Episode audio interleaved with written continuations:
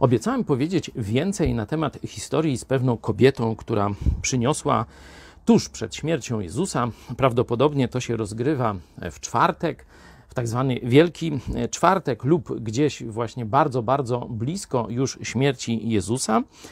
E, przyszła, przystąpiła do niego, mając alabastrowy słoik bardzo kosztownego olejku i wylała go na głowę jego, gdy spoczywał przy stole. To jest Ewangelia Mateusza, 26 rozdział, 7 werset. Uczniowie zaczęli się bulwersować. Na cóż taka strata? Przecież można było to drogo sprzedać i rozdać ubogim. Mówiłem parę dni temu o różnej perspektywie człowieka i Boga. No tu mamy kolejny taki ząg.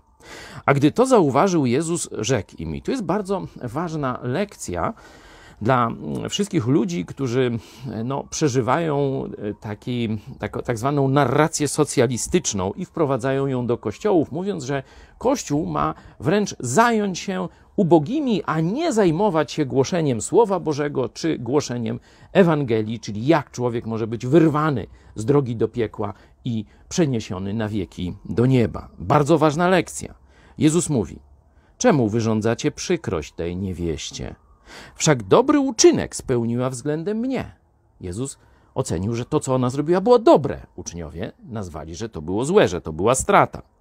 Albowiem ubogich zawsze mieć pośród siebie będziecie, ale mnie nie zawsze mieć będziecie.